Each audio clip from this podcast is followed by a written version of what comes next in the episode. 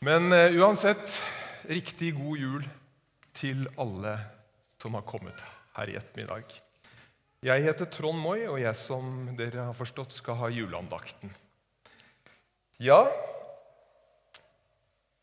den amerikanske presidenten eh, Richard Nixon han ble overbegeistret i 1969 da Apollo-astronautene første gang landet på månen. Dette er den største dagen siden skapelsen, utbryter han. Men da måtte Billy Graham, den kjente amerikanske evangelisten, korrigere ham med å si at det var større, det som skjedde i julen, når Gud landet på jorden. Og det er det vi skal feire i dag. Er det ikke fint å begynne feiringen her? Helt enig. Thomas Netland han sier det veldig bra, syns jeg, i denne ukens plussord. Kanskje noen av dere følger med på det. Han sier at julen handler ikke om jakten på den rette julestemningen. De gode nyhetene er at julebudskapet ikke er en følelse, men en hendelse. En faktisk historisk hendelse.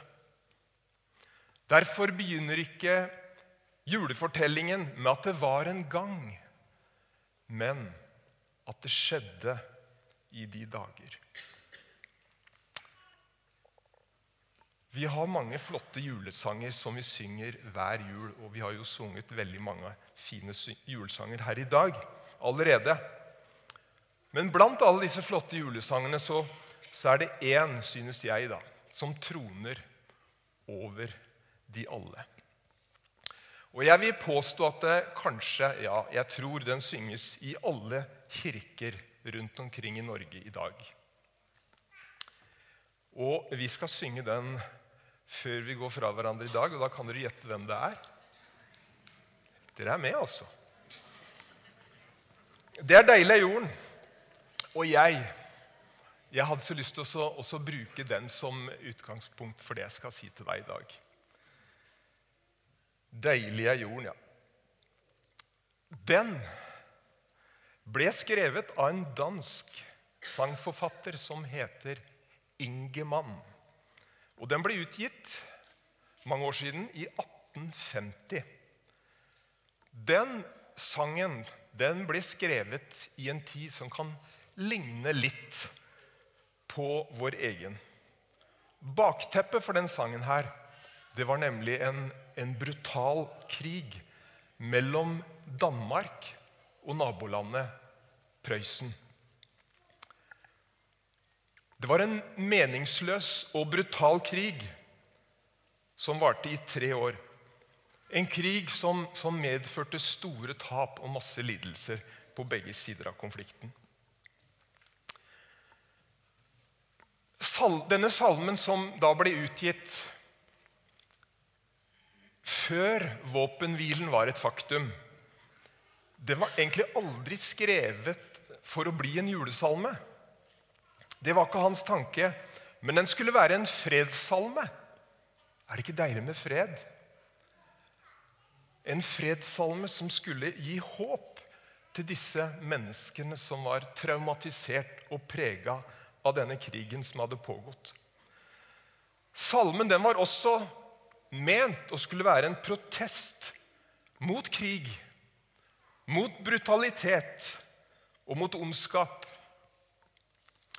Og det er kanskje derfor den fikk dette navnet. Deilig er jorden.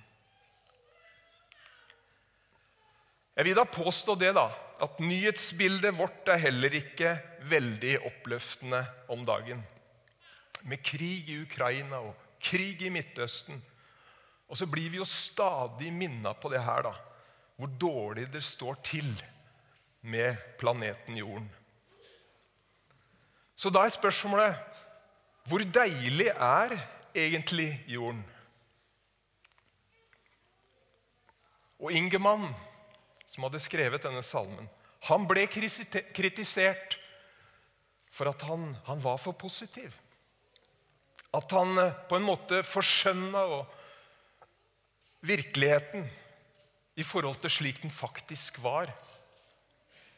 Og Jeg vet ikke hvordan han forsvarte seg mot denne kritikken.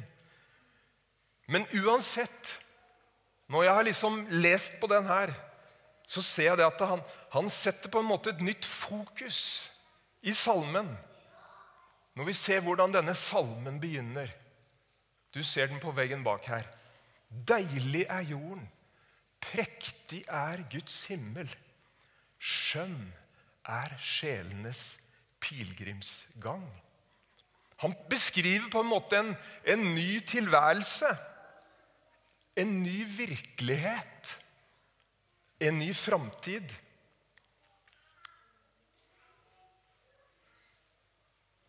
Og dette nye som han beskriver, det, det er ikke et resultat av ønsketenkning eller positiv tenkning. Men det er forankra tydelig og klart i det som skjedde første julenatt. Ute på Betlehemsmarken, det vi feirer i dag. Det er slik Elin og Malin leste for oss her, juleevangeliet. Det er slik det beskrives. Og han har det jo så tydelig med i det tredje verset. Englene sang den, først for markens hyrder, skjønt fra sjel til sjel det lød. Fred over jorden, menneske fry deg. Oss er en evig frelser født. Men hvordan kan denne jorden som vi bor på, som, som preges av krig, urettferdighet, og miljøkriser, hvordan kan den bli deilig igjen? Jo, når den kobles med himmelen. For det er bare himmelen som kan redde jorden. Ikke miljøbevegelsen eller dyktige politikere. Det er ikke nok. Og det er jo det jula handler om. At jorden på nytt kobles med himmelen. Himmelen faller ned, hørte jeg eh, sangen av Anne Grete Preus i går. Ja, himmelen faller ned, men ikke som snø og himmelsk korrekturlakk, som hun synger. Men himmelen kommer ned til oss gjennom barnet i krybben. Og den bringer med seg noe nytt. Den bringer med seg frelse, framtid og håp på alle plan i tilværelsen. Det er noe å feire, det her. Det første resultatet, at himmelen er kommet til oss, er det Ingermann beskriver som skjønn er sjelenes pilegrimsgang. Har du tenkt på hva det betyr? Han har lagt merke til noe vakkert.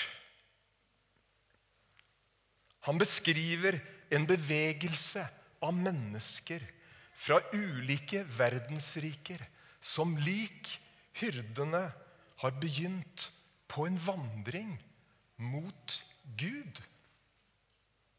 Mot Han som har kommet.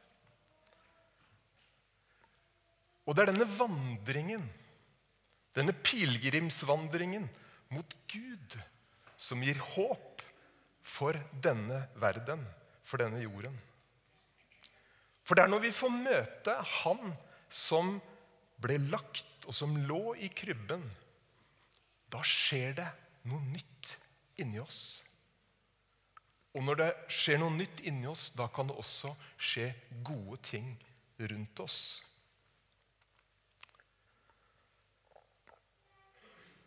Videre så protesterer eh, han Ingemann mot tungsinn og pessimisme.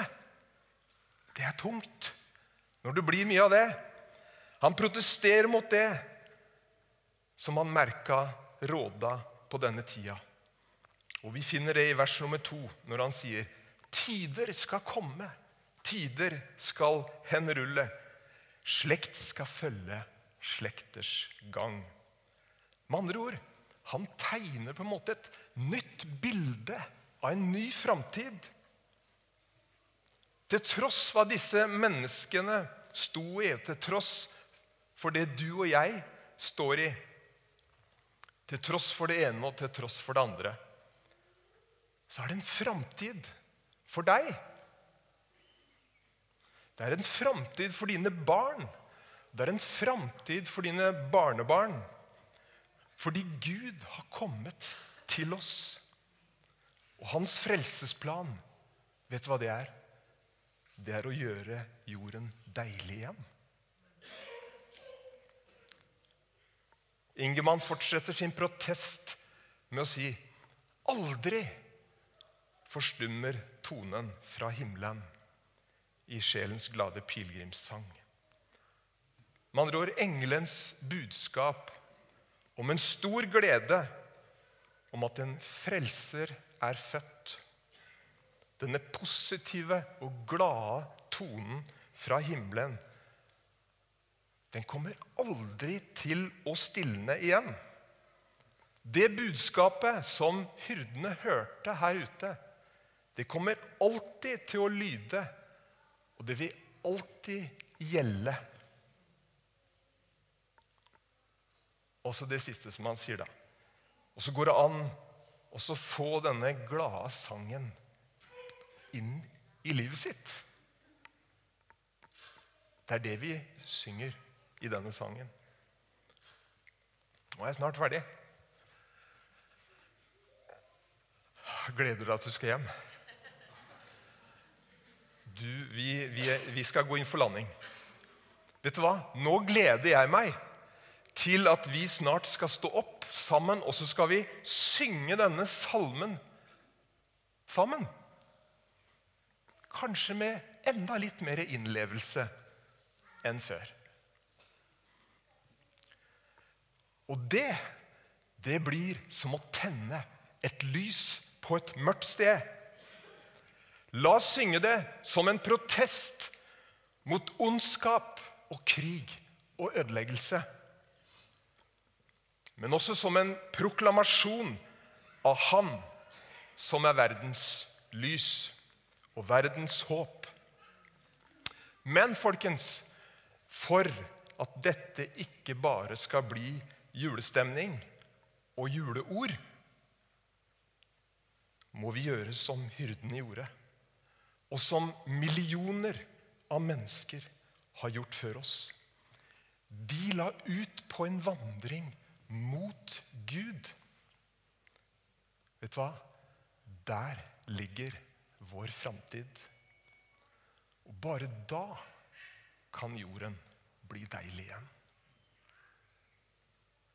Igjen god jul, og Gud velsigne dere alle sammen.